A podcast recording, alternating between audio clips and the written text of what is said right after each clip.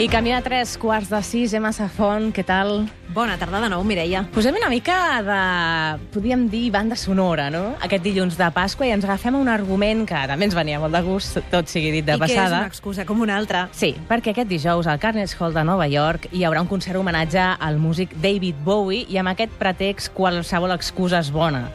La veritat és que avui us proposem fer una ullada a la vessant més cinèfila d'aquest artista i el nostre home del cinema que més hi ha vingut. Eh, continuem aquí. Vull dir, Àlex Gorina i Macià, Avui fem gràcies. programa, programa doble. que xulo que ha estat el moment amb l'Agnès Marquès, eh? Déu-n'hi-do, Li has vist la cara? Sí.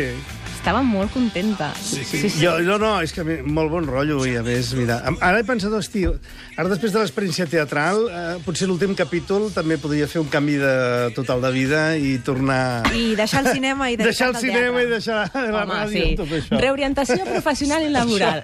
doncs escolta, Mira. jo que t'he vist a Watching Pippin Time, la veritat és que, uh, vaja, posaria la mà al foc perquè donés una segona part, eh? Bueno, en tot cas, el que no abandonaré mai és l'entusiasme per David Bowie, tot el seu món, la seva música, el que representa, en fi, tot el que va fer, que per mi és eh, fonamental, també. Eh? I a més a més també hi ha un, un gir molt maco en aquest espai que ara farem, que és que no només el veiem des de la seva vessant musical, que és la que més s'ha explicat, sinó la cinematogràfica, a tenir en compte.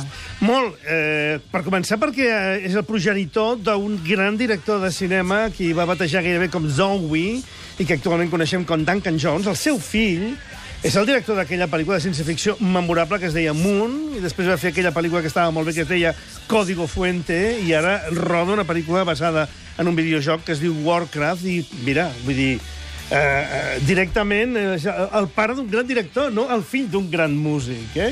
La relació està bé viure-la des d'aquí, eh? Ziggy played for time, jiving us.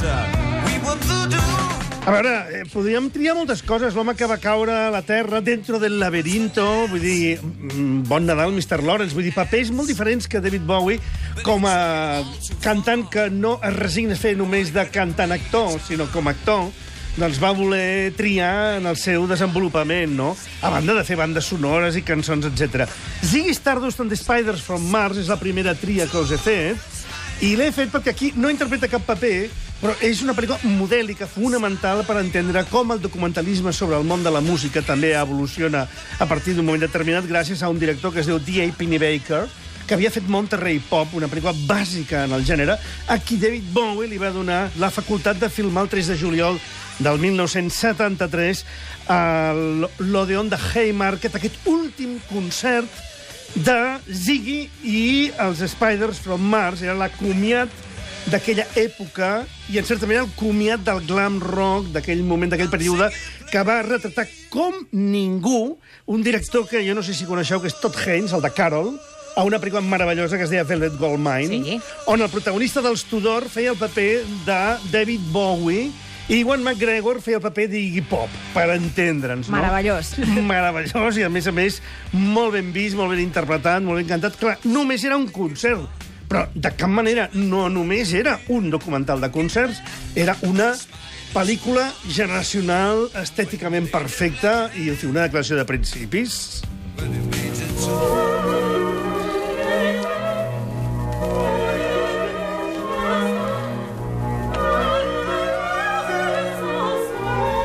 flotant una mica ara mateix. Ma- Ara diuen, però això és David Bowie? doncs sí, acompanya David Bowie, però evidentment és el duet de les flors de l'òpera L'Acme, que va ser el tema musical central d'una altra pel·lícula extraordinària amb, amb David Bowie, que va ser la pel·lícula que va fer debutar a Tony Scott, el germà de Ridley Scott, Tony Scott que es va suïcidar ara fa uns anys, mm -hmm. amb El ànsia de Hunger, que va donar nom a una sèrie de televisió i que era una pel·lícula de vampirs, però de vampirs sexis, egipcis, stylish, Mayfair, etc. Una mica la pel·lícula que va conduir el gènere cap al, on ha arribat amb aquella pel·lícula meravellosa de Jim Jarmusch que es deia Solo los amantes sobreviven, perquè venia a ser el mateix, no?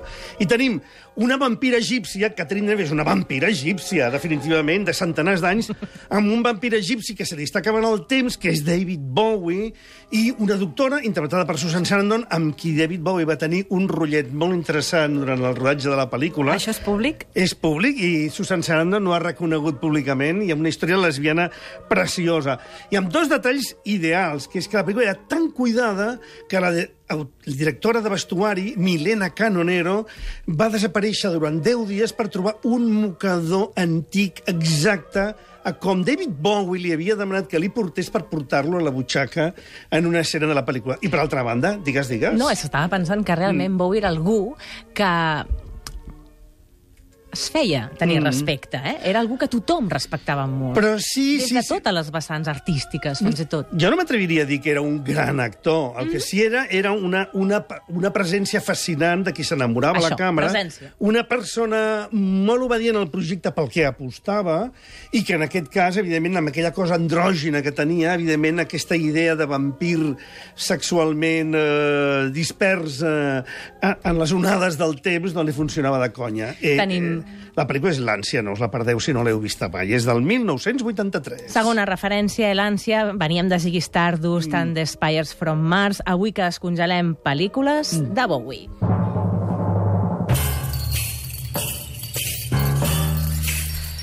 Amigues i amics, eh, Gigolo.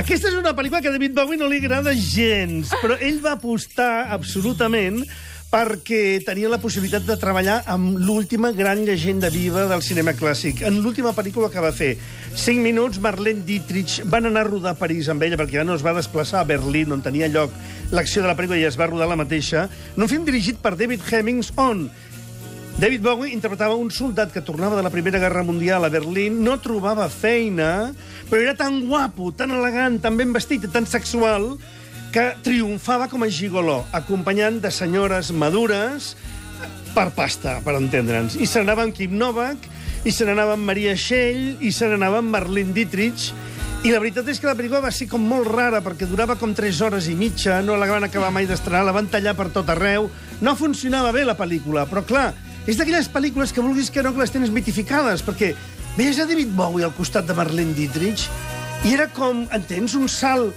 de mitologia en el temps sideral absolutament. Mm -hmm. Era una pel·lícula fetichista, no? Bé, necessària, imprescindible, curiosíssima. Recupereu-la quan pugueu. Aquesta és la tercera aportació que us descongelem avui abans d'arribar al súmum del musical 60s. Absolute Beginners.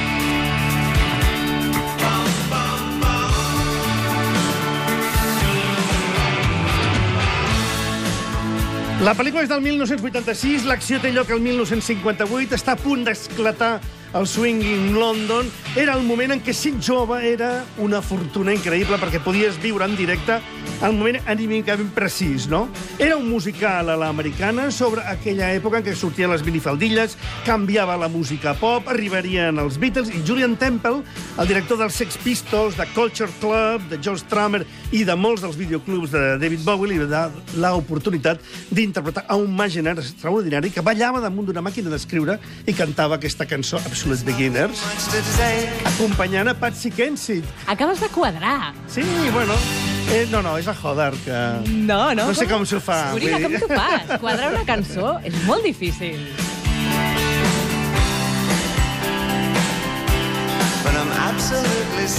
Deixa'm que avisi els nostres oients si estan a la carretera, si estan a casa, si ja s'han menjat la mona. Sigui com sigui, d'aquí molt poc regalarem uns cascos de Catalunya Ràdio al concurs 932017474. Si voleu participar pel camí, ens deixem portar amb el Gorina i aquesta proposta musical de Bowie. No vull acomiadar aquesta pel·lícula sense recordar que la protagonista, Patsy Kensit, era la dona de Liam Gallagher i eh, ballava amb David Bowie damunt de la màquina d'escriure Lexicon, per entendre'ns clàssica, d'una manera molt espectacular. Era una pel·lícula irresistible, o sigui, la veies, entraves en ella, et deixaves anar, volaves... No cal el 3D, m'entens? Només senties això i estaves absolutament... Era un avançat al seu temps, ja ho sabien, però també avançat al absolutament, 3D. I l'última referència? Bueno, l'última referència serà doble, perquè la pel·lícula va per una banda i la cançó per una altra.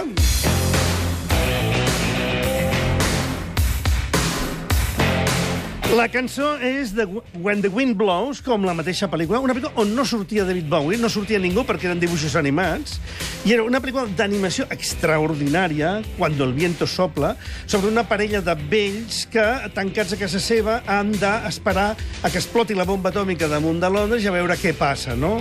Era una pel·lícula amb John Mills i Peggy Ashcroft, boníssims, doblant els seus personatges i David Bowie va fer aquesta cançó meravellosa. Però la pel·lícula que us recomano és Basquiat.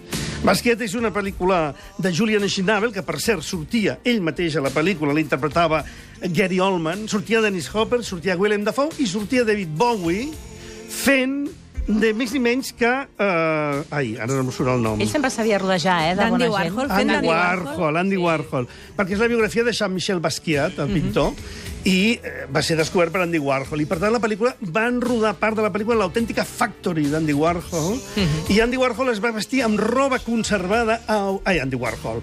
David Bowie es va vestir amb roba conservada autèntica d'Andy Warhol, perfectament pentinat, perfectament maquillat, perfectament tot, i era com un fantasma, era com una litúrgia, era com una aparició. Era com la verge de Fàtima que, que arribés enmig de, enmig de l'escenari, no?